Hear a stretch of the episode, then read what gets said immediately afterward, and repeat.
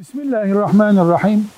Elhamdülillah ve salatu ve selamu ala Resulillah. Niyet yani insanın bir işe yapmaya içinden azmetmesi, karar vermesi kendi başına bir ibadettir.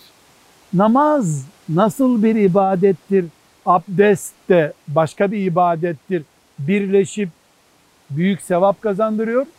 Niyet etmek de bir ibadettir. Nedir niyet etmek? Ben bugün Allah rızası için oruç tutacağım. Ramazan değil ama oruç tutacağım diye akşam niyet ediyor. Bu bir niyettir. Bu niyet üç kademeli bir sevaba dönüşür. Mesela ben yarın nafile oruç tutayım diye niyet ettim. Yarın da oldu, tutamadım. Sağlık sorunu çıktı, yolculuk çıktı. Bir sebep, makul bir sebep çıktı, tutamadım. Bu ibadettir. Bir sevap kazanılmıştır.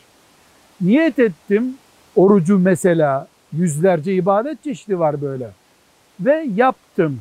Normal bir ibadet yaptım. Allah'ın izniyle iki sevap kazandım. Hem niyetten hem yaptığım işten. Üçüncü bir çeşidi daha var bunun. Niyet ettim.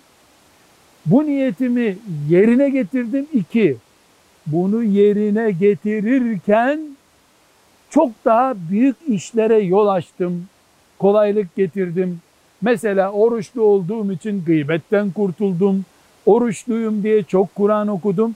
Niyetim kendisi sevaptı. Eylemi yaptım sevaptı.